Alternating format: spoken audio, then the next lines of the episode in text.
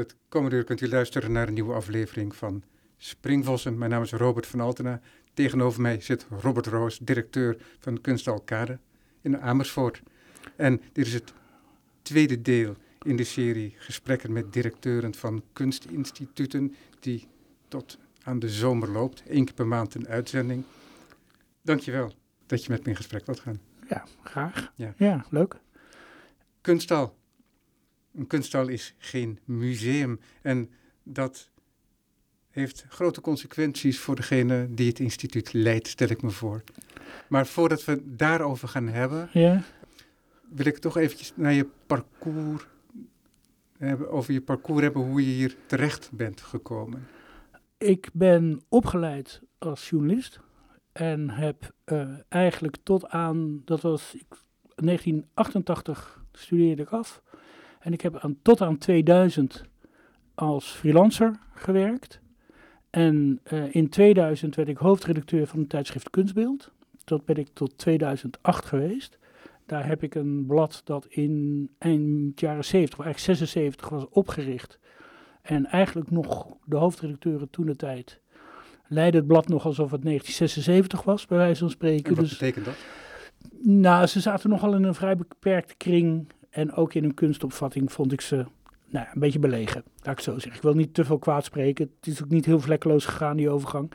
Eh, dus het, het, het, het was echt nog een beetje de eh oude jongs in de Amsterdamse die met elkaar in het café de dingen bespraken en de dingen deden. En het blad moest actueler, het blad moest actiever, het moest internationaler, eh nieuwsier. En dat hebben we gedaan ehm, in, die, eh, in die acht jaar. Helaas bestaat het niet meer, want het is daarna toch eh, gesneuveld in, eh, ja, in de, de neergang van de dagbladenmarkt. Maar in 2007, toen ik nog hoofddirecteur was, werd ik gevraagd door Gerard de Klein, de toenmalige directeur van Stichting Amersfoort in C, hier in Amersfoort. En Amersfoort in C staat voor Amersfoort in Cultuur en had op dat moment Vlehieten en de Zonnehof eh, onder zich. Eh Zonnehof, het expositiepaviljoen van Rietveld, dat als een, eigenlijk als een, een van de eerste kunsthallen van Nederland fungeerde, jarenlang. Maar dat was op, eh, niet te beveiligen, niet te klimatologiseren, oud. Dus de gemeente was bezig met een nieuwe ruimte in het pand hiernaast, waar later de RC1 is gekomen. En daar zocht ze eigenlijk een goede invulling voor. Ze wisten dat ze daar iets wilden gaan doen, maar eigenlijk hadden ze nog niet scherp wat. En die plannen waren ook in de jaren daarvoor steeds geëvalueerd. Dus toen heeft Gerard mij gevraagd, kun jij voor mij een visie schrijven op wat er in die ruimte moet gebeuren? En vervolgens heb ik, dat, heb ik daar een zomer aan besteed. Eh, ook heel veel collega's geïnterviewd, directeuren. En een analyse gemaakt van wat er was in Nederland. En gezegd van nou, ga niet nog een museum opzetten waarin weer verzameld wordt. We hebben er al heel veel. Er zijn er ook veel in de regio. Maak een kunsthal. Dat heeft een aantal voordelen. Je hebt geen collectie. Collecties kosten geld. Collecties kosten geld in, in beheer, in menskracht om hem te leiden, om aan te kopen, eh, op te slaan. Maar ook een collectie betekent dat je in feite vastlegt op een inhoudelijke lijn. Want je tentoonstelling moet aansluiten op je collectie. betekent dat je jezelf ja, eigenlijk beperkt in je onderwerpskeuze. Dus laat dat los. Dan kun je ook alles laten zien eh, wat je wil. En de tweede was, kies altijd voor kwaliteit. En dat klinkt als een heel makkelijk mm, statement. Maar wat ik daarmee bedoelde is, eh, je kunt elk onderwerp aan de orde stellen als je maar altijd op zoek gaat naar de topcollecties binnen dat onderwerp. Dus ook al gaat het over Indiase hoofdtooien, zoek dan naar een collectie die top-notch is. Of we hebben een keer Meisterporselein gedaan. Hebben we geleend van particulieren uit Duitsland en Engeland. Nou, zo kun je, ook al gaat het over naïeve schilderkunst. Je kunt eh, ieder onderwerp verzinnen, maar zoek dan ook altijd naar dat wat de beste kwaliteit heeft. Je moet Eh, op de juiste plek zijn. Precies. En, eh, en daarmee creëer je een programma dat natuurlijk in het begin alle kanten op vloog. Voor iedereen. Eh, van wat, die doen, wat doet hij nu weer? Later komen er een paar lijnen in, zichtbare lijnen. Maar nog steeds wel vanuit het idee, we hebben geen vaststaande agenda. We staan niet voor abstracte kunst, we staan niet voor hedendaagse kunst, we staan niet voor, voor, voor, figuratieve kunst. We staan voor beeldende kunst en beeldcultuur. En ook En dat is eigenlijk terugkijkend. Want op een gegeven moment hebben wij na zes jaar een boek gemaakt. En toen ging natuurlijk terugkijken. Wat, ja, wat heb ik nou eigenlijk gedaan? En welke lijnen en welke... En dan blijkt eigenlijk dat wij het woord beeldend in beeldende kunst heel serieus nemen. Dat er bij ons eigenlijk altijd wel beeldend veel te zien is. Dat wil niet zeggen dat we nooit conceptuele kunst laten tonen, want dat is absoluut wel zo. Maar het zit toch wel vaak in tentoonstellingen waar ook veel visueel te doen is. Um, dus het is meer een mix, uh, zou ik zeggen. Ja. Wanneer is de hal open gegaan? In 2009, mei 2009, is ons de eerste tentoonstelling geweest. En dat was ook een soort statement. Bijna 13 jaar. Ja, 13 jaar, bijna. En uh, dat statement was eigenlijk dat wij tentoonstelling in Wonderland en op dat moment had je in Nederland toch nog wel heel erg sterk te focussen op die hele hardcore conceptuele kunst, uh, uh, functionalisme, minimalisme. En ik wilde een tentoonstelling maken die echt puur over verbeelding ging, sprookjesachtige werken, heel narratief, heel anekdotisch ook.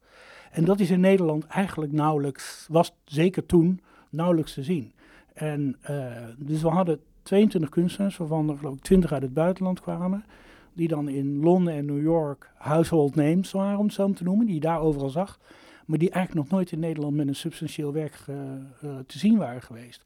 En dat gaf een soort discrepantie tussen de Nederlandse kunstsituatie en wat er internationaal in bijvoorbeeld de topgaleries gebeurt.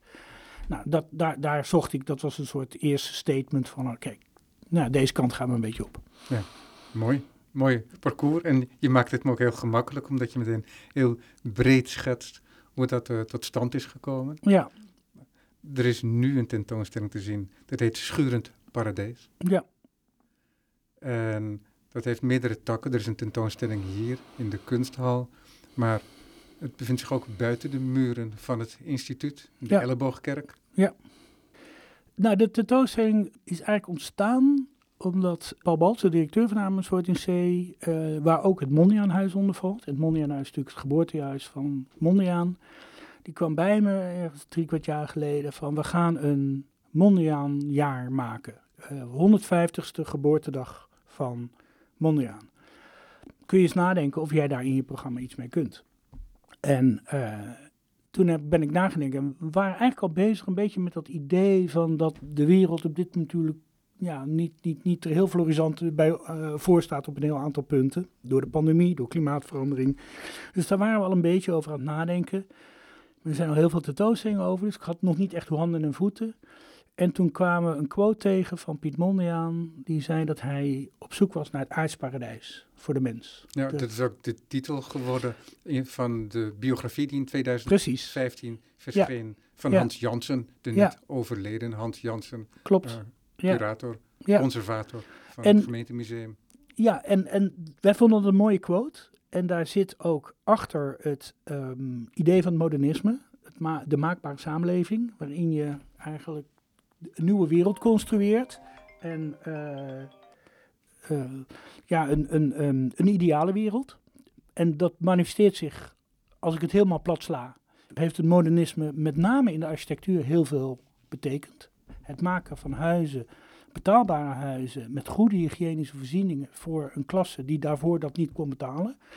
Uh, ik zeg altijd van ja, in, toen, toen Mondriaan die uitspraak deed, uh, midden jaren twintig, toen leefde nog een behoorlijk deel van Nederland in hele slechte huizen, in hele oncomfortabele uh, omstandigheden. En, dus die, die, en na de Tweede Wereldoorlog, bij de wederopbouw, is natuurlijk heel veel teruggegrepen weer op het modernisme ook. Bij ja, het maken ja. van al die wijken. Dat valt in Nederland natuurlijk ook wel samen met de woningwet uit 1903 of 1905. Die heel belangrijk was, die speculatie in de woningbouw tegenging. Ja. Want gebouwen vielen soms al om voordat ze gebouwd waren. Ja, ja, ja. Nee, maar zo zie je dat daar dat modernisme heel erg uh, succesvol in bleek. En dus dat idee van het scheppen van een, van een nieuwe wereld, van een ideale, ideale wereld. En eigenlijk dacht ik, ja, we zijn honderd jaar later, hoe ligt die maakbare samenleving van Mondriaan? En we hebben volgens mij in Nederland best veel te danken gehad aan het modernisme. Hoe ligt die erbij? En uh, kunstenaars zijn uh, minder, denk ik, nu bezig met dat soort utopieën. Die zijn meer bezig van analyseren waar staan we.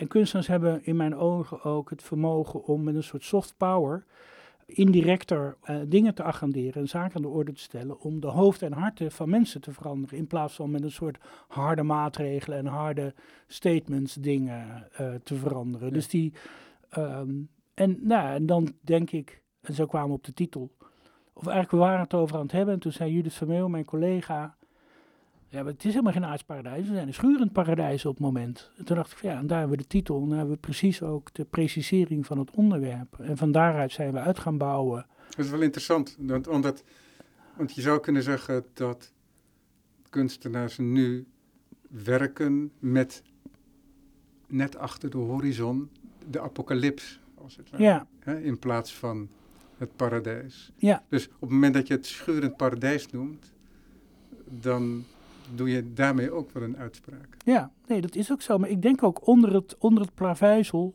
uh, schuurt het, zeg maar. In de zin van de, uh, op een aantal niveaus. Klimaatverandering, die echt een bedreiging is. E ecologisch gaan de dingen mis. Soorten sterven uit. Uh, er is angst dat er op een gegeven moment geen, gewoon geen bijen meer zijn om stijfmeel te verplaatsen. maar ook de pandemie is natuurlijk iets wat als een soort onzichtbare kracht de samenleving bedreigt. Uh, en dat geeft ook onrust. Maar tegelijkertijd ook, is het ook symptoom. Ja, tot op zekere hoogte. Een, een, een, een virus is natuurlijk, de, de, dat ontstaat op een gegeven moment. Spaanse griep was 100 jaar geleden ook. Maar ik denk wel, en een van de werken refereert daar enigszins aan, uh, de mens gaat steeds dieper de natuur in. Dat is ook een van de theorieën rond COVID, dat in China mensen steeds dieper de jungle in moeten om een voedsel te zoeken. En dan komen ze dus ook in aanraking met allerlei beesten waar misschien van alles in zit wat niet heel fijn is voor de mens. En het zo terug hebben gebracht naar de wet market in Wuhan. Uh, dus het, de, dat, dat, de, de, de, stond, is, dit baseer ik deels op een, een artikel in The Guardian over hoe de mens steeds dieper die jungle ingaat. En dus ook steeds meer confrontatie tussen die natuur, die woeste natuur, en, en de gecultiveerde mens die daar eigenlijk niet zo goed tegen kan. En omgekeerd de woeste natuur bedreigt en de soorten bedreigt. Maar je maakt een tentoonstelling hier in Amersfoort, in Nederland. En met dat perspectief hou je ook heel duidelijk rekening.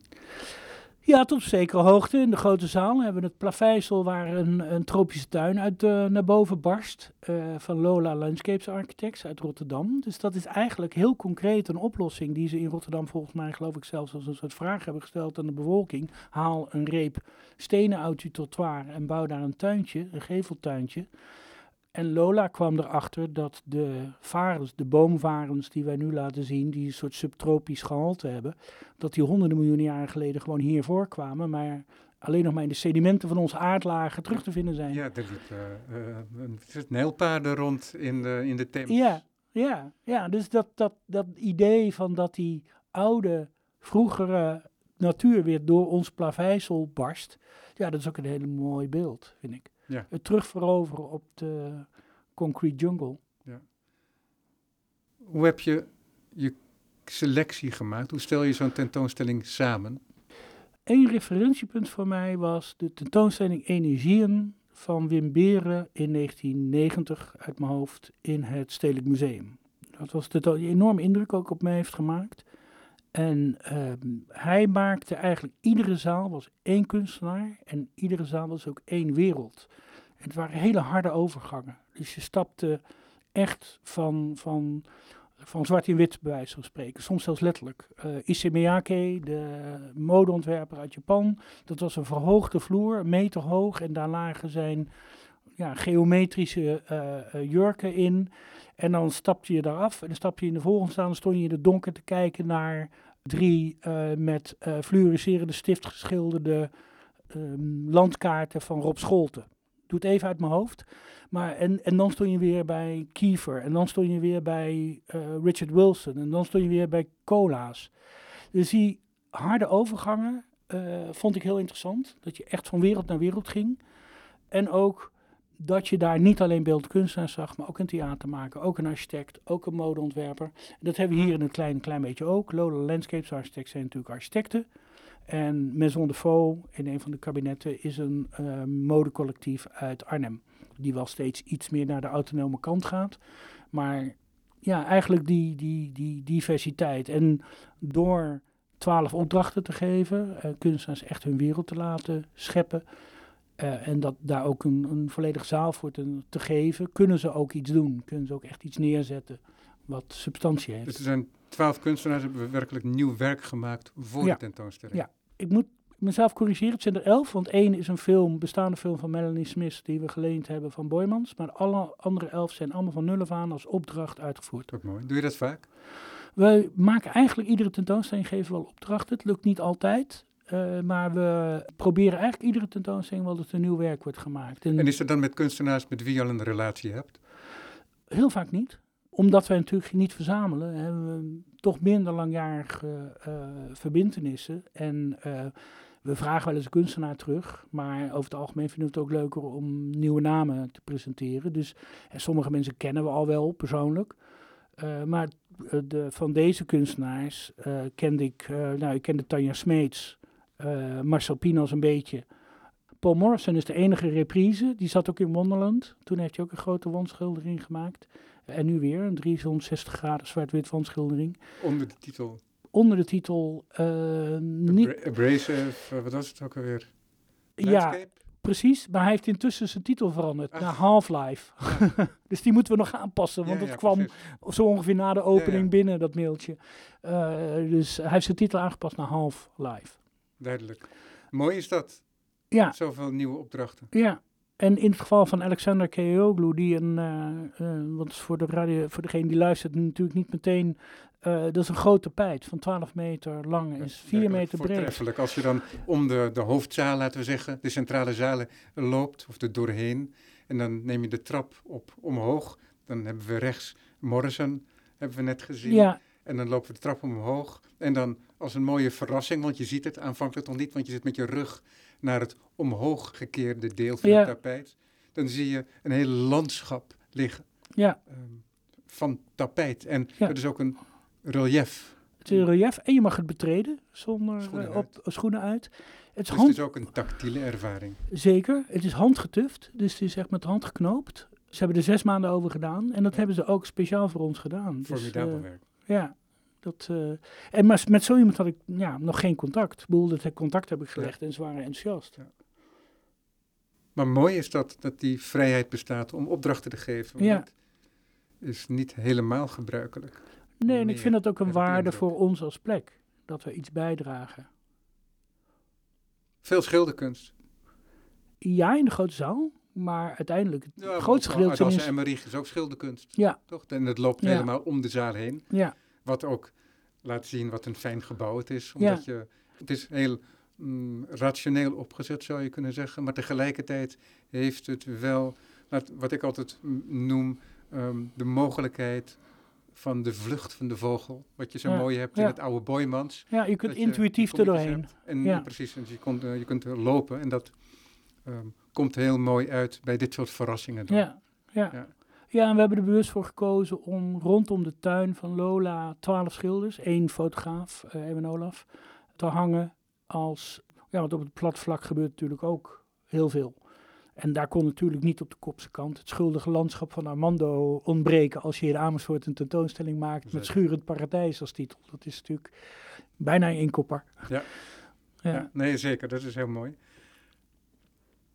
Je, dat is nu al ter sprake gekomen dat je dan die, dat je die opdrachten geeft. Dus dat is wel een, de bijzondere relatie die je met kunstenaars dan kunt hebben. Maar de relatie met kunstenaars, dat is een relatie minder met het instituut dan met de directeur van het instituut. Bij zo'n kunsthal lijkt het.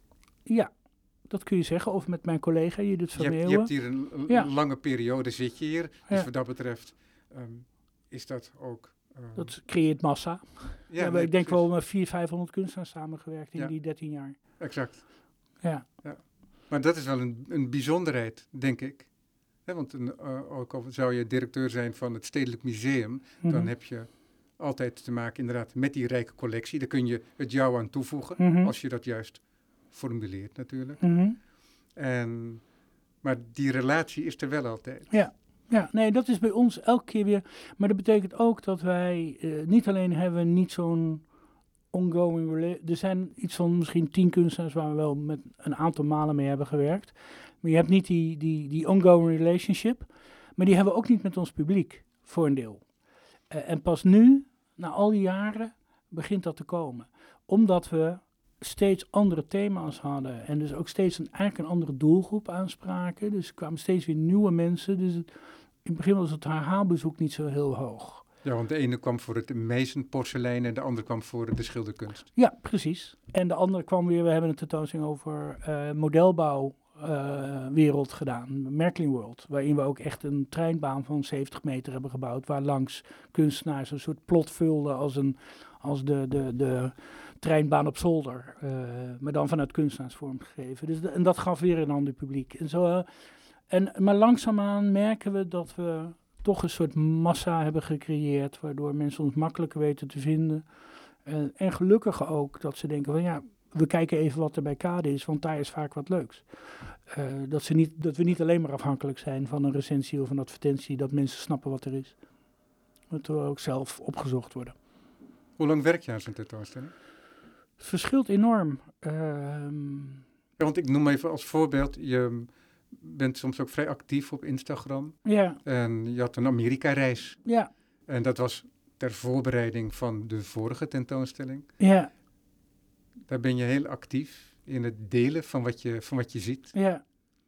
Heel genereus is dat ook. Oké. Omdat je ja. dan tegelijkertijd ook meekijkt Ja. met uh, waar je naar kijkt al. Ja. En dat is als het ware een voorbode voor die tentoonstelling. Ja. Dat stel ik heel erg op prijs. Ja, nou, dat is mooi om te horen, dankjewel. Ja, ik vind het ook een vorm van delen. Niet iedereen... Ik heb de, het, het, het, ja, de geluk of de, de, de positie dat ik kan reizen. Dat kan lang niet iedereen. Dus ik vind het ook uh, belangrijk, als ik dan toch op reis ben, om dan ook dingen te laten zien en, en te delen. Want dat, ja, niet iedereen heeft die mogelijkheid. In het geval van die Amerika-reis, die 2,5 maand duurde. Um, dus ik heb een roadtrip gemaakt van 2,5 maand, waarbij ik met de auto van New York naar San Francisco ben gereden via de noordelijke en de middenstaten. En weer afgezakt naar Los Angeles en terug naar New York via de zuidelijke staten zo'n 14.000 kilometer. En dat was bedoeld om eens buiten LA en New York te kijken. Natuurlijk was ik daar ook, maar om in andere steden te kijken wat speelt er nu in Amerikaanse kunstwereld. Dat was in voorbereiding eigenlijk op de presidentsverkiezingen. Welke thema's leven er? Um, zijn er andere kunstenaars te vinden dan de gebruikelijke in die steden? Ik denk dat dat gelukt is. Uh, maar dat was een zeer boeiende, interessante reis. Dat is ja, dan ben je anderhalf, twee jaar met een tentoonstelling bezig. Met deze tentoonstelling volgens mij drie kwart jaar aan gewerkt. Dat is een idee en kunstenaars benaderen. En vervolgens doen de kunstenaars werk, want die gaan de, de, de, installatie bouwen. Uh, waarbij ik ze ook heel veel vrijheid geef. Als je een kunstenaar vraagt, vind ik ook dat je erop moet vertrouwen dat ze met iets goeds komen. En dan moet je niet heel erg gaan lopen bijsturen of dit of dat. Dan is het ook wat ze voorstellen, is ook het voorstel. Ja. Ja, anders moet je ze niet vragen. Ja, dat denk ik ook. Ja. Kan ik het alleen maar mee eens zijn. Ja, Maar ik loop het risico nooit, nee, want ik geef nooit de opdracht uit. nee. Nee, maar tot nu toe gaat het... Maar ik laat me graag verrassen natuurlijk. Ja, tot nu toe gaat het eigenlijk bijna nooit fout. Het, ze komen wel soms met totaal andere dingen dan je verwacht. Dat is interessant. Ja. Want je hebt natuurlijk een beeld van een oeuvre, een beeld van een kunstenaar, een beeld van je tentoonstelling. Dus je denkt van nou, we zullen wel dan met zo en zo iets komen. En dan boem, komen ze met iets totaal anders. Wat heel interessant is. Je bouwt inmiddels wel ehm, op, hè? je noemt het er zelf eh, dat je massa opbouwt. Maar is het soms wel eens moeilijk om werk te krijgen? Omdat een museum, die kan altijd nog een soort uitruil doen. hebben Mhm. een collectie, misschien is er iets interessants voor jullie bij. Dat is zeker moeilijk. Ja. Dus jij doet, neem, neem ik aan, dan minder zaken met musea. Nou, dat valt wel mee. Ja? Ehm, we hebben hier een Van Wittel tentoonstelling gemaakt, 17e eeuwse meester. Het is toch gelukt om eh, heel veel topstukken ook uit internationale musea te krijgen. Ja, dat is een kwestie van daarheen gaan, praten, dat merk je wel. Kan niet even bellen. Moet echt ja, een beetje inmasseren, eh, duidelijk het concept uitleggen. Dus het kan wel. En we werken ook met veel Nederlandse musea samen. Maar het probleem zit ook bij de galeries. Ik krijg ook niet alle kunstenaars die ik wil van de galeries. Omdat Nederland een piepklein landje is, zonder ehm, binnen de wereld met nauwelijks een betekenis op het gebied van verzamelen. Want degenen die voor de grote galeries relevant zijn, die kennen ze wel. Eh, ik hoef hun niet te vertellen wie, eh, eh, ja, wie de grote verzamelaars in Nederland zijn, want die zitten gewoon in hun bestand. Dus de exposure voor hun kunstenaars in een instituut als Kade, het is weer anders als je naar de Pont of Stedelijk gaat, is natuurlijk beperkt. Dus je bent behoorlijk van goodwill afhankelijk. En dat betekent ook dat je, ja, ja tuurlijk komt het voor dat ik dingen graag had willen hebben en gewoon niet krijg. Ja. Maar dan moet je door. En ook zo moet je een beetje een olifant uit hebben, dat je maar, dan voel je dat je een beetje eh, weggewoven wordt. En dan toch een volgende keer voor een andere kunstenaar terugkomen. En op een gegeven moment lukt het. Is er verandering bespeurbaar tussen 2009 en 2022 daarin? Enigszins. Eh, 2009 was een interessante casus, want we, hadden, we bestonden nog niet. We eh, hadden een volstrekt nieuw gebouw, dus ook een totaal onbekende naam. En toch kregen we behoorlijk interessante werken. Ik denk dat dat toen ook te maken had dat we precies bij de val van de Lehman Brothers begonnen. Die hebben de tentoonstelling ook een half jaar gemaakt, achteraf krankzinnig. Waar we, ja, de markt was totaal ingestort. Dus ze waren blij dat hun kunstenaars überhaupt in een instituut te zien waren. Daar hebben we wel een beetje van geprofiteerd. Ik denk wel, en dat vind ik ook best wel een zorgwekkende ontwikkeling. Je leent geen kunstwerken meer, maar commodities. Eh, je- Wat bedoel je daarmee? speculatie. Gewoon, er zit zoveel geld rondom die kunstwerken. Ja, dus jij als mm, directeur van de kunsthal maakt, of je nou wil of niet, deel uit van de kunstmarkt. Vanzelfsprekend, ja. Als ik, als ik vraag aan een, eh, zeker als het gaat over een, um, een solo tentoonstelling, maar soms ook gewoon voor een bruikleen, bij een grote, dan weet ik zeker dat ze meteen naar internet gaan van wat is dat voor een tent. Eh, je bent altijd onderdeel van het spel, van de positionering van een kunstenaar. Is dit interessant voor ons? Ik heb ook wel ben wel eens gecc'd in een mailtje van een kunstenaar die ik vroeg. En toen kreeg ik, had niet in de gaten dat ik in CC stond. Oh, niet interessant. Geen energie aan besteden. Dus je bent altijd, iedere, ik denk dat iedere galerist, eh, zeker op het hogere niveau, in het niveau van de Fries en de Art Basels, is bijna iedere galerist strategisch aan het eh, nadenken van welke energie moet ik erin stoppen, wat krijg ik ervoor terug, is dit goed voor de kunstenaar, is dit, ehm, doet dit iets voor de verkoop, doet dit iets voor de marktontwikkeling. Ja. En daarnaast heb je natuurlijk ook gelukkig voor ons een groep galeristen die dat iets minder belangrijk vinden, dus die dingen gunnen. Maar de powerhouses denken zo. En, Ja, dat eh, zijn financiële instituten. Nou, dat denk Nou, ik op, wel. Op het moment dat je, dat je de kunstwerken tot commodities eh, bestempelt. Dan- dat idee dan- heb ik bij een aantal kunstenaars is, gekregen. dan is een hele grote galerie die dat doet. Hè, die, Ja. eh, die kunstenaars op die manier representeert een financieel instituut. Ja, maar als je en bedenkt geen, dat, eh, zeker, dat begrijp ik, maar iemand als Swierner, die geloof 14 locaties heeft, Ja. die moet volgens mij alleen al 40, 50 miljoen omzetten om al zijn ruimtes en personeel eh, te betalen. Ja. Dus het is een financiële instelling, dat klopt. Dus ik, ik, tot een zekere hoogte begrijp ik het ook. Ik vind het wel jammer. Ik heb bij een pa- paar bruiklenen gehad. Denk, ja, waar ben ik nou eigenlijk mee bezig? Ben ik nou een schilderij aan het lenen of ben ik iets anders aan het doen? niet, niet de ruimte? Want dat, het is niet per definitie zo dat er alleen maar interessante kunst zich in die ijle regionen bevindt. Oh, zeker. Maar het is ook niet zo dat wij alleen maar met dat soort werk. Ja. eh, alleen, nou ja, bijvoorbeeld bij onze tentoonstelling over African American art, waarbij we een aantal hedendaagse African artist, eh, African American artist hadden, daar speelde dat bijvoorbeeld. En dat is ook nog eens een keertje een markt die enorm in ontwikkeling en enorm in de lift zit. Dus daar ligt de speculatie helemaal op de loer. Maar dus dan, ja, dan wil je dat verhaal vertellen van 100 jaar, wat we wilden. Eh, hebben we voor het vroegere deel naar de verzamelaars kunnen kijken. Maar voor het laatste deel moet je naar de hedendaagse kunst kijken. Dan kom je toch bij de galeries terecht. En kan het wel niet tonen, maar dan heb ik het verhaal niet compleet. Dus het is een balancing act. En bij andere projecten, we, we werken ook met volstrekt onbekende kunstenaars. Eh, Zowel Nederlands als buitenlands. Die misschien wel helemaal anoniem zijn en geen betekenis hebben, maar die we wel voor de tentoonstelling heel precies vinden. Het is helemaal niet zo dat we alleen maar, om het even onerbiedig eh, zeggen, aan het starfucken zijn. Want dat, oh nee, maar dat suggereert... dat is niet- Dat, nee, dat begrijp ook ik. niet suggereren. Nee, maar dat is wel, dat is wel wat, wat, wa- waar we eh, een. eh, dat vind ik wel belangrijk. Ja, nou, dat is ook een vraag die ik stelde aan Rijn Wolfs. Ja. In hoeverre hij de ruimte heeft om vrij te opereren. En niet de markt te volgen. Ja. En hij zegt van ja, die vrijheid heb je niet volledig. Dan denk ik dat dat voor het stedelijk wat problematischer ligt dan voor mij. Want ik ben in die zin gelukkig een relatief onbeduidende speler. Dus wat er in Amersfoort gebeurt, maakt een heleboel mensen niet zo heel veel uit. Terwijl Amsterdam Daar staan de schaamwerpers op en zeker het stedelijk. Dus ik snap voor dat Rijn dat antwoord geeft. En ook terecht. Ik denk dat hij het goed ziet. Maar ik denk dat Rijn toch wel degelijk ook zijn vrijheden heeft en pakt. Oh, dat doet hij goed. En, uh, maar ik ben wat dat betreft natuurlijk ja, even nee, maar ik, ik, zeg dat ook niet. Dus ik, ik heb die. Om, nee, ik zeg dat niet om jou te verleiden om iets te zeggen over Rijn Wolf. Nee, zo bedoel ik niet. Nee, zo bedoel ik het niet. Nee, als, als maar, voorbeeld. Ja, nee, maar ik. Dat, het Stedelijk Museum niet alleen die historische schaduw heeft tuurlijk. van de collectie, maar dat ook die schaduw van die markt daar um, door die zalen heen waart op een andere manier dan dat hier gebeurt. Zeker, nee, maar dat beaam ik. Ja, nee, maar dat denk ik ook. En die vrijheid voel ik ook. Dus ik heb ook de luxe om maar me er niets van aan te hoeven trekken. Uh, en dat is wel een vrijheid, absoluut. Ja, nee, ik denk dat je dat goed ziet. Ik zit te denken over die opdrachten die je, die je geeft. Dus nu zijn het er elf voor deze tentoonstelling.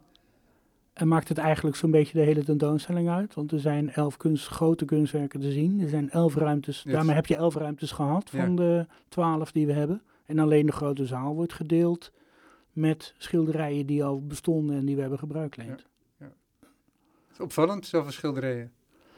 Ja, en ik vond het was een keuze. Of, uh, of geen, of misschien één of twee, of het gewoon vol hangen. Een soort salon in die natuur. En ik heb voor dat laatst gekozen en ik denk dat dat goed heeft uitgepakt.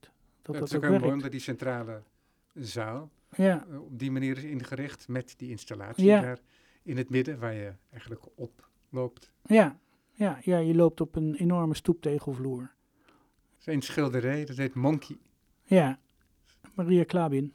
Klabin. Groot schilderij. Groot schilderij, ja. Hing bij Romandos. En er zitten wat vleugjes Cézanne in, zou je kunnen zeggen. Ja. Met de souplesse waarmee de tussenvormen van de takken zijn geschilderd. Ja. Voor de rest niet, maar uh, heeft het zijn Het eigen, heel schematisch eigenlijk. eigen positie. En een heel andere kleurstelling ook. Ja. Maar het is heel mooi, omdat je, zodra je de titel leest, die, die titel die is zo functioneel. Ja, zodra je de titel leest, word jij het aapje. Ja. Omdat jij in het woud staat en wordt bekeken door de mensen. En het aapje zit in het schilderij. Ja, dat heb ik niet eens gezien dan. Ja, er zit bij de linkerboom, aan de onderaan zit een bruine vlek. En dat Nou, ik, zag, ik zag toen ik naar de schilderij keek en van de titel wist, zag ik mezelf als het uit. Ja, ja, dat, dat is ook nog een mooie. Maar ik zie het schilderij als, eh, waar we het net even over hadden, over die mens die de natuur ingaat op zoek naar de ec- exotica. Het ecotourisme is dat voor een deel ook. Ja. En dat is natuurlijk, voor een deel is ecotourisme fantastisch, want dat is bron van inkomsten voor de mensen daar. En tegelijkertijd is dat een belasting voor het oerwoud. Dus het is een soort duaal, het schuurt. Ja. Eh, en daarom vond ik dat schilderij zo interessant. En natuurlijk vond ik het een mooi schilderij. Het was een prachtig schilderij. Ja, ja, net als, wat, wat was, dat was vorig jaar, kwam dat in het nieuws, de groene safari Ja, in Afrika, ja, voor Europeanen. ja. Nee, precies. Dus dat, dat Ja. is... Nee. Contradicties. Ja, daar zit de cultuur... Maar ik noem dit omdat zo'n spel wat er dan gespeeld wordt, en kennelijk heb ik het erin geprojecteerd en nou laten we zeggen dat het deel uitmaakt van het schilderij, niet alleen van mijn verbeelding, Ja, is zoiets een ehm, soort leidraad als je zo'n tentoonstelling maakt voor ander werk wat erin moet komen. Eh, relateer je die werken op die manier aan elkaar? ik heb eigenlijk hier eh, ervoor gekozen om... Want het zijn twaalf totaal verschillende werken. Twaalf ook totaal individuele werelden. Dus ik heb eigenlijk een soort... Wat ik met de ruimtes die koud op elkaar staan... In de zin van je gaat echt van, van sfeer naar een totaal andere sfeer... Heb ik eigenlijk ook met schilderijen gedaan. Dus als je, je gaat echt per schilderij naar een andere sfeer. Dus ik heb daarvoor gekozen om naar de heterogeniteit te gaan. Dus ik heb niet daar per se één specifieke leidraad in gekozen. Maar ik denk wel dat alle twaalf schilderijen, zoals ik het noem, landschappen met een ondertoon zijn. Waar iets in gebeurt dat, dat schuurt of wat, wat, of wat problematisch is. Of waar je een verhaal achter kan hangen, waar het iets vertelt over het totale concept. Ja. Dus ik heb bij de schilderijen vooral inhoudelijk gekozen. En ook wel het niet erg gevonden dat ze eh, totaal heterogeen zijn ten opzichte van elkaar. Ik kan me voorstellen dat sommige museummensen jaloers op je zijn, omdat je je zo duidelijk elke keer op één volgende tentoonstelling kunt richten. Ja, Het is, het, is, ja, het is bijna monomaan, maar het is ook heel interessant. Je stort je op één Nou, onderwerp. monomaan, het is de, de, eh, karakter van de tentoonstellingen, eh, gaf je al aan, is zeer uiteenlopend. Ja, nee, maar monomaan in de zin van je bent Ja. even... ehm, eh, ik zeg, wij zijn het Ondergedompeld in Wij- een project. Ja, wij zijn als tentoonstelling, eh, als kunsthal zijn wij de tentoonstelling die op dat moment te zien is. Dat is dan ook onze identiteit. Dus Met hoeveel alles, mensen werk je hier in de kunsthal? we zijn in totaal met tien mensen, eh, waarvan drie beheerders en nogal wat parttimers. Dus En wat is dat, een beheerder? Eh, ja, die, die opent, sluit, eh, begeleidt de vrijwilligers, doet de technische dingen, helpt met de opbouw. Ja, conciërge, beheerder, eh, degene die op de vloer zorgt dat alles ruilt en zeilt. Dus de Ja. praktische En Kant. het, en het maken en bedenken van de tentoonstellingen? Dat doe ik met Judith van Meeuwen, mijn curator. En Lara Stolwerk is onze productiemanager. Eh, en zij denkt natuurlijk ook mee in, in eh, draagt kunstenaars aan, eh, ja, heeft gewoon ideeën. En dat is het. Ook overzichtelijk. Ja, het zijn hele korte lijnen, dat merk ik. Ook ten opzichte van andere musea wel. Dat we een vrij platte organisatie hebben, in de zin van alles bilateraal doen. We, we zijn geen vergadercultuur. Soms zelfs te weinig vergaderen, in de zin van... hé, hey, we moeten toch eigenlijk maar weer eens bij elkaar komen... en dan weten we van elkaar wat we aan het doen zijn. Maar het zijn hele korte lijnen. Maar dat betekent ook dat ik me, me heel veel met hele praktische dingen bezig hou. Dat ik echt de tentoonstelling mee produceer. Eh, de bruiklenen regelen, transport regelen, eh, zaken, praktische zaken rondom installaties. Dat dat een welkome afleiding is bij jou. Ik ken je niet heel goed, maar Ja. die indruk heb ik. Nou, het is ook, ik hou graag van de, het grip houden op dingen. Dus ik vind, en, en soms denk ik van ja, ik kan het wel aan een ander vragen, maar laat ik het even zelf doen. Ja. Dat, eh, ja, vind En ik ook altijd wel fijn. hoe lang van tevoren projecteer je zo'n tentoonstelling? Nou, dat varieert. dus deze, deze- deze, deze is was relatief kort, maar ik ben nu al bezig met een voorbereiden voor een tentoonstelling van 2024. Ja. Want die gewoon een langere aanlooptijd heeft eh, om te realiseren. Dat, het gaat in dit geval ook weer over een onderwerp in Amerika. Ik, vind, ik zit even na te denken, zal ik het zeggen, maar ik vind het toch een beetje tricky nog, omdat ik, hem nog niet rond heb. Ik zou je er niet verder naar gaan vragen. Nee, maar ik ben er ook niet, omdat ik nog niet zeker weet of ik hem helemaal rond krijg. Ik heb een goede reis gemaakt in december, waarin ik eh, heel hoopvol terug ben gekomen en denk dat het gaat lukken. Eh, maar dat is, dat is een, een, een belangrijke Amerikaanse dat is- kunstenaar. en- oh, dat is al met een mono- monografische Ja. tentoonstelling. Solo tentoonstelling van Amerikaans kunstenaar. En eh, ja, dat is en een historische kunstenaar. Dus ik, ik, eh, ik heb de verzamelaars en de musea nodig. Ja. Eh, en dan moet je inderdaad daarheen van ik ben kunstalkade in Amersfoort en ik wil graag dit en dit. Ja. En dan, nou ja, dat vergt tijd. En dan vergt het nog eh verdere goede uitwerking dat je goed beslaagd aan ijs komt. Dus dit, ja, daar heb ik toch wel zeker twee jaar voor nodig voordat die tentoonstelling staat. Is dat overwinnen van de tegenpartij, van de aarzelingen van de tegenpartij, is dat een prettige zaak voor jou? Nou, als het eindresultaat niet goed is, is het niet prettig. Maar ik vind het wel leuk. Ik hou wel van het eh, steekspel. Of, of, of de, de, de steekspel moet ik niet noemen, want dat is negatief. Het is een... Ja, je bent een soort ambassadeur van je eigen project. Eh, en dat vind ik ook wel spannend. En dus ik vind het ook wel... En ik ben ook wel iemand die dan... Hoe, hoe, hoe gaat het? Want het is niet alleen maar heel zakelijk spreken over wat je wil hebben, wanneer het zou zijn. Ik denk dat ze jou ook wel willen le- leren kennen. Deels. In- Dus Amerikanen zijn daar wat zakelijker in. Ja? Amerikanen zijn er wel wat zakelijker in. Gewoon van, eh, eh, what do you want to want? Ehm, En hoeveel bezoekers krijg je? vreemd genoeg vragen ze dat niet. Oh ja, Nee, ze, ze vragen het wel, maar het is geen criterium. Ja. Eh, interessant. het, ehm, ik denk dat het vooral... ehm, het is een beetje je nieren proeven. Dat voel je wel, soms. Maar op wat voor manier gebeurt dat? Nou, in de conversatie, denk ik. Gewoon het... het, het ehm, daar zit niet een hele duidelijke, harde lijn in. Dat is gewoon het gesprek voeren. Kijk, het feit alleen al dat je soms alleen al eh, willen ontvangen... is al eh, vaak een pre, want dan heb je, ben je al half binnen. Maar ik heb ook wel eens gehad bij een galerie... dat wij een project wilden doen... en daar hadden we voor Nederlandse begrippen best een behoorlijk bedrag... 10.000, 15.000 euro voor gereserveerd. En we gingen zitten... En hij vroeg als eerste, wat is je budget? En toen zei ik dat. Toen zei hij, this meeting is over. Want dat was te weinig. Ja. Eh, dus dat is ook de harde kant waar je mee te maken krijgt. Maar het is wel duidelijk. het is wel Ja, duidelijk. het is niet Ja. dat je dan na drie maanden erachter komt. Nee, nee, nee. Het is, ik, ik, ik, we ik vind het prima. ideeën hadden over Ja. die uitgangspunten. Ja, nee, zeker. Maar dat, dat, dat gebeurt ook. Eh, dus het, is niet al, het lukt niet altijd. Ja, Ja, maar dan is het ook echt einde gesprek kun je gaan. Voor dat Eh, project. Althans. Ja, voor, en, en grappig genoeg dat het me uiteindelijk dan toch bij diezelfde man gelukt is om toch weer later wel een andere kunstenaar binnen te halen. Ja. Maar goed, het, het is een. Ik zie het als een dialoog en, en, en het veroveren van interesse. Ja, ik vind dat een leuk. Ik vind dat niet erg. Ja, dus twee zeggen. kanten op dan, hè? want dat is ook voor het publiek. Hè, je maakt een tentoonstelling omdat je iets wilt laten zien aan het Mhm. publiek. Hè, Je, je wilt Dat je staat je al, altijd bovenaan. een eigen ervaring Ja. en een eigen inzicht delen Mhm. met het publiek. Ja, nee, zeker. En dat staat ook vooraan. Eh, dus ik vind ook de. eh, wat ik enorm, lastig vind in Nederland is dat je. Je bent pennenlikker, zeg maar, hoe moet ik dat zeggen? Accountant, want je moet je tentoonstelling sluitend krijgen. Dus je moet x publiek halen om, om je begroting rond te krijgen. Die focus is in Nederland soms wel heel erg groot. Is dat veranderd de afgelopen 13 jaar?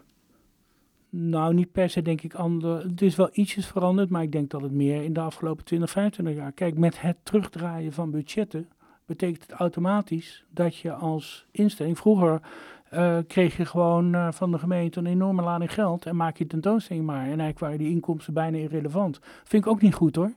Eh, ik vind het ook heel goed dat er een economische kant aan je tentoonstelling zit. Maar ik vind wel dat je in je oog, hoofd moet blijven houden dat je het maakt voor het publiek. Ja. En niet om het geld terug te verdienen dat vind ik echt een fundamentele eh, keuze om eh, wel de focus goed te houden. En ook de vrijheid te houden om je onderwerpen te kiezen. Zeker. Want je weet van tevoren, het zal niet altijd te voorspellen zijn, maar je weet van tevoren dat sommige tentoonstellingen meer publiek zullen trekken Zeker. dan anderen. Ja, en, dat, en dan valt dat, dat minder het publiek trekken dan soms ook wel weer mee. En dan merk je dat je die massa begint te krijgen. Want dat was natuurlijk in het begin anders. Ja. Die relatie met die gemeente voor jou Ja. is ook heel belangrijk dan. ja, de gemeente, wij zijn een onafhankelijke stichting als Amersfoort in C. Dus we worden- de, de gemeente is natuurlijk wel een hele belangrijke subsidiënt. Maar we zijn een onafhankelijke stichting. betekent dat we niet rechtstreeks onder een wethouder vallen, om maar eens wat te noemen. We eh, krijgen een bescheiden basisbedrag. En de rest moeten we toch echt zelf verdienen. Dus de gemeente Amersfoort, moet ik zeggen, is een fijne eh, subsidiënt. Die, die, die zijn kritisch en die, eh, die, die, die willen natuurlijk wel van alles. Maar ze, zit, ze gaan je niet vertellen, je moet dit of dat. dat de, de, de, de, blijft gewoon goede afstand. Ehm, en eh, ja, dat is gewoon ook de fact of life. En ik snap het ook. Ja, je kunt niet. Natuurlijk zal iedere culturele instelling maximaal eh, geld willen hebben. Maar ja, er zijn ook gewoon limieten. En daar moet je gewoon mee dealen. En dat is, eh, dat is ook prima. Dat beperkt misschien soms je mogelijkheden. En soms. Ik hou er wel altijd van om net iets verder te reiken dan ik eigenlijk kan. Om te kijken of het lukt. En vaak lukt het ook. Waarbij je wel in het oog moet houden dat het beheersbaar blijft en dat het realiseerbaar blijft. Ben je veel tijd kwijt aan het regelen van geld? Mm, relatief wel, want je moet een aanvraag schrijven. Is dat Eh, elke keer per tentoonstelling? ja.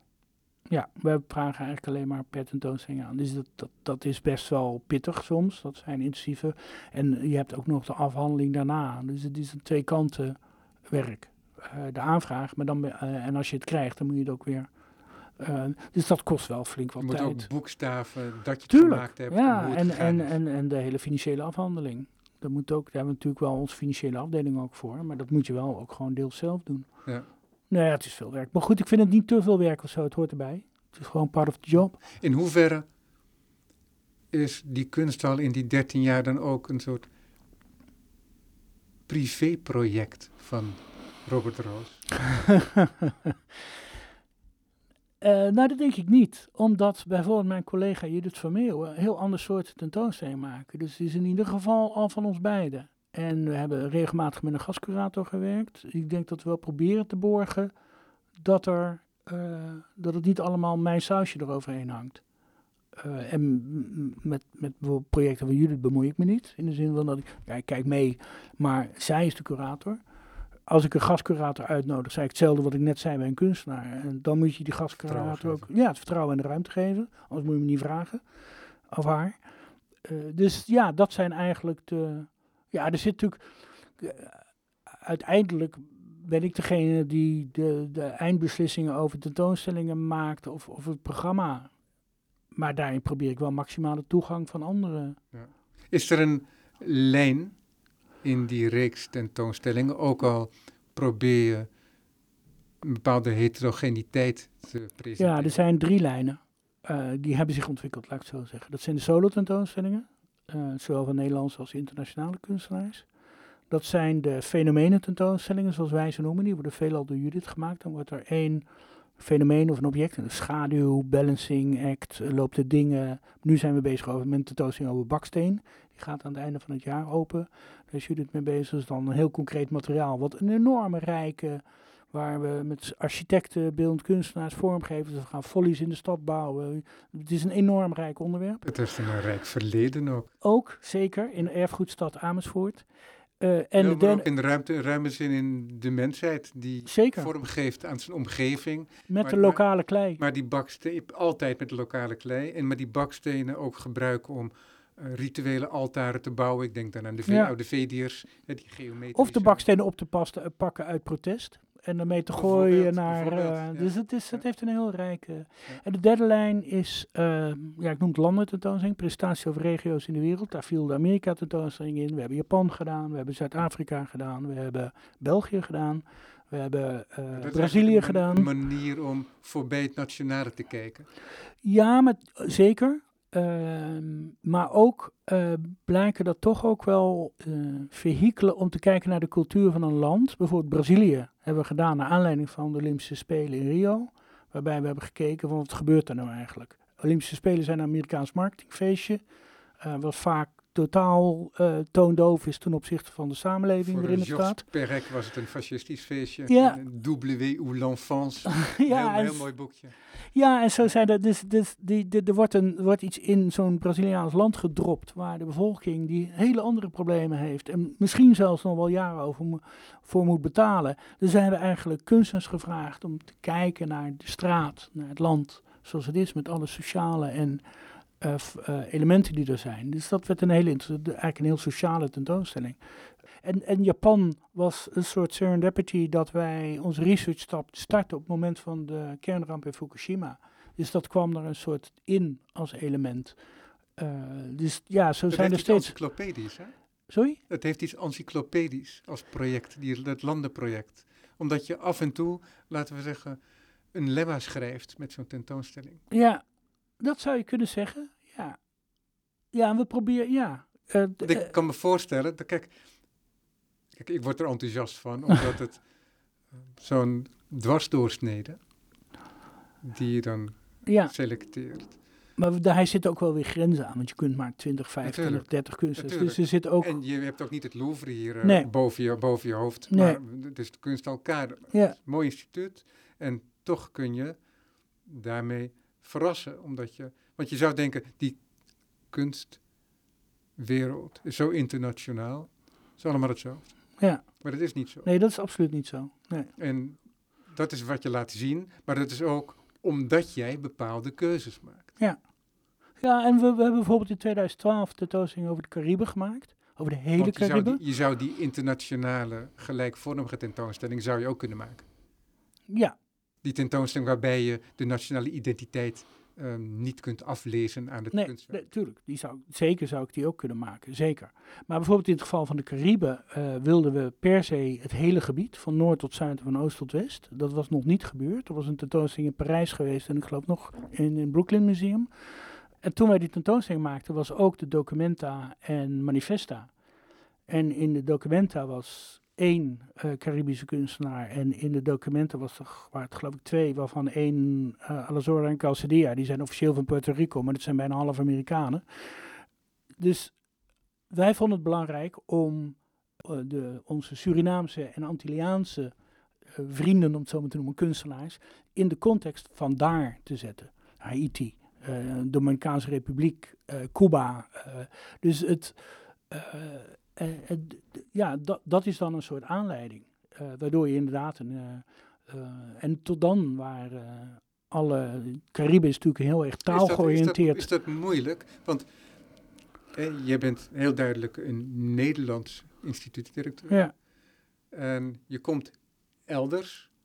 Nou, in dit geval hebben we Nancy Hofman gevraagd, Ja, die samen met David Baden toen het instituut op Buena Vista op Curaçao leidde. En zij heeft al die eilanden zo ongeveer bereisd.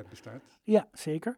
Zij heeft al die eilanden ook bereisd, dus zij kende eh, de situatie daar. Dus dat was een Nou, dus insider. gebruik gemaakt. Ja, nee, zij was gastcurator, Ja. zeker. Ja, ja. Want het, je vliegt ook, want dat is ook interessant, je vliegt niet zomaar van Willemstad naar Port-au-Prince. Binnen het Caribisch gebied zijn de verbindingen enorm slecht. Je moet bij via Londen om naar Kingston te gaan als je uit Willemstad komt. Eh, en, en, en er zijn natuurlijk vier hele sterke taalgeoriënteerde gebieden eh, binnen het Caribisch gebied. Dus al die hele problematiek eh, zat in de tentoonstelling. Word je verrast door het soort tentoonstellingen? Zelf? Ja, oh zeker. Zeker. Dat, dat, dat was voor mij bijna terra incognita. Daarom zou ik hem ook zelf nooit hebben kunnen maken. Eh, Ja. Dus dan vertrouw ik. Maar ook Maar is hetzelfde. dat ook niet, hè, want dat is mijn, de achterliggende vraag achter die verrassing, is dat je het daarom, dat het daarom tot een reeks is geworden. Ja, waarbij we de deels zelf hebben gemaakt en deels uitbesteed. Nee, nee, maar ik- wat ik, Ja. dus, dus ongeacht of het nu met een oh, het onderzoek, is, de nieuwsgierigheid. Maar überhaupt, want het is de derde poot, Ja, zeg maar, die, ja. je, die je benoemt. hè, ja, nee, ik snap wat je bedoelt. De nieuwsgierigheid en- die erachter en zit. Omdat je toch, dat merk ik zelf ook, altijd met oogkleppen oploopt. Ja, Dat, dat kan niet anders. Dat is ook een kwaliteit. Ja. Maar het is ook, kan ook een belemmering zijn. En die serie, die lijkt bijna ontworpen. Niet alleen voor het publiek, maar ook voor jezelf. Omdat je voortdurend eh, daar heb je een punt. ehm, ja. een golf van nieuw werk en nieuwe perspectieven. Ja. Oh, kan het ook zo? Ja. En, en dat is, zou je kunnen zeggen, wellicht de essentie van kunst. Dat is voor mij, denk ik, gebleken in de loop der jaren. Dat is niet heel vernieuwend of verbazingwekkend. Maar dat je altijd weer, ook al ken je de kunstenaar, dat je altijd weer verrast kunt zijn. Zeker. En dat, die ontdekkingstocht. En dat is natuurlijk wel sinds we eh, in, in 1989 Magicien de la Terre het bewustzijn van de westerse kunstconsument heeft opengebroken, overgewrikt. Hebben we ineens ontdekt van hé, er is veel meer buiten dat gekende Anglo-Saxische circuitje eh, Europa, Amerika, Engeland. En dat heeft wel voor een enorme ehm, nieuwsgierigheid ook gezorgd. Maar dat doe je dus soms met gebruik van kennis ter plaatse, Ja. hè, gastcuratorschap. Maar niet altijd. Nee, nou Dus- bijvoorbeeld Japan hebben we. Dus dat vraagt van jou en je collega's een enorme inspanning om in een eh, toch beperkt Mhm. tijdsbestek, hè, ook al heb je maanden, soms jaren de tijd, maar in een beperkt tijdsbestek kennis te krijgen. En ik neem aan dat je dan al van tevoren een soort conceptuele selectie maakt. Of doe je dat pas achteraf? Zeker na, achteraf. Na eerst je, Ja. je tenen in het badwater te hebben gestoken. Ja, en het interessante is dan, want Japan en Brazilië hebben we zelf gedaan. Ehm, Japan was Tokio en Osaka. En eh, Brazilië zijn we wel ook eh, Sao Paulo, Rio, Recife, eh, Belo Horizonte, op meerdere plekken geweest. Maar het grappige is dat als je kijkt naar die landen, dan zijn er in die landen tien galeries ongeveer, die echt topgaleries zijn. Waar ehm, hoe je ook kijkt, uiteindelijk centrifugeert alles daarheen. Omdat zij ook de voorhoorns zijn wat er in de achterland gebeurt. En eh, dus het, hoe groot die landen ook zijn, is eigenlijk dat galeriecircuit nauwelijks groter dan in Nederland. Vond ik fascinerend om te zien. Eh, Japan is inmiddels wel gegroeid, zien, want we, die hebben in 2013 gedaan, bijna tien jaar geleden. Volgens mij is daar wel een, een, soort, soort, soort uitbreiding geweest. Maar toen wij daar waren, gold dat nog steeds. Dus je hebt eigenlijk ook vrij snel te pakken waar, eh, waar, waar de interessante kunstenaars en de, de, de, de belangrijke kunstenaars. En natuurlijk Brazilië en Japan zijn allebei een soort van niet-westers, maar tegelijkertijd altijd aangehaakt geweest bij de westerse kunstgeschiedenis. Eh, met met, met eh, eh, eh, Neo Concreto in eh, Brazilië, maar en ook natuurlijk de, de, de, de Zero en de Gutai in Japan. Dus het is die feeling, er zit een soort verwantschap. Ehm, het is in die zin niet helemaal een terra incognita. Ja, die geldt niet alleen voor de kunstwereld, maar voor de hele maatschappij. Dat zou kunnen, ja. Ja. ja. En dat, en dat, dat, maar wat ik heel grappig vond, we hebben België gedaan. En daar hadden we natuurlijk ook, hadden we naar Antwerpen en Brussel en Gent en eh, Brugge kunnen gaan. Toen heb ik gekozen voor Tom Barman, de zanger van Deus. eh, omdat ik wist dat hij bevriend was met kunstenaars. En toen heb ik gecheckt van, nou, zou hij een visie hebben op beeldende kunst? Nou, daar kreeg ik positief antwoord op. En hij heeft zich echt acht maanden ondergedompeld in de Belgische eh, kunstwereld. Met verzamelaars, met galeries, met kunstenaars. En hij is met een tentoonstelling gekomen die ik zelf echt nooit had kunnen maken. Omdat hij veel dieper in dat, eh, de essentie van die, die, die, die Belgische manier van kijken zat. In een soort, soort surrealistisch conceptualisme eh, werd het. Het was super interessant. Had ik nooit kunnen maken. Zelf. Robert Roos, dank voor je mooie verhaal. We zijn aan het einde van het uur beland. Kunsthal Kade. En daar is tot 3 juli van dit jaar, 2022, te zien de tentoonstelling Schurend Paradijs. Dankjewel.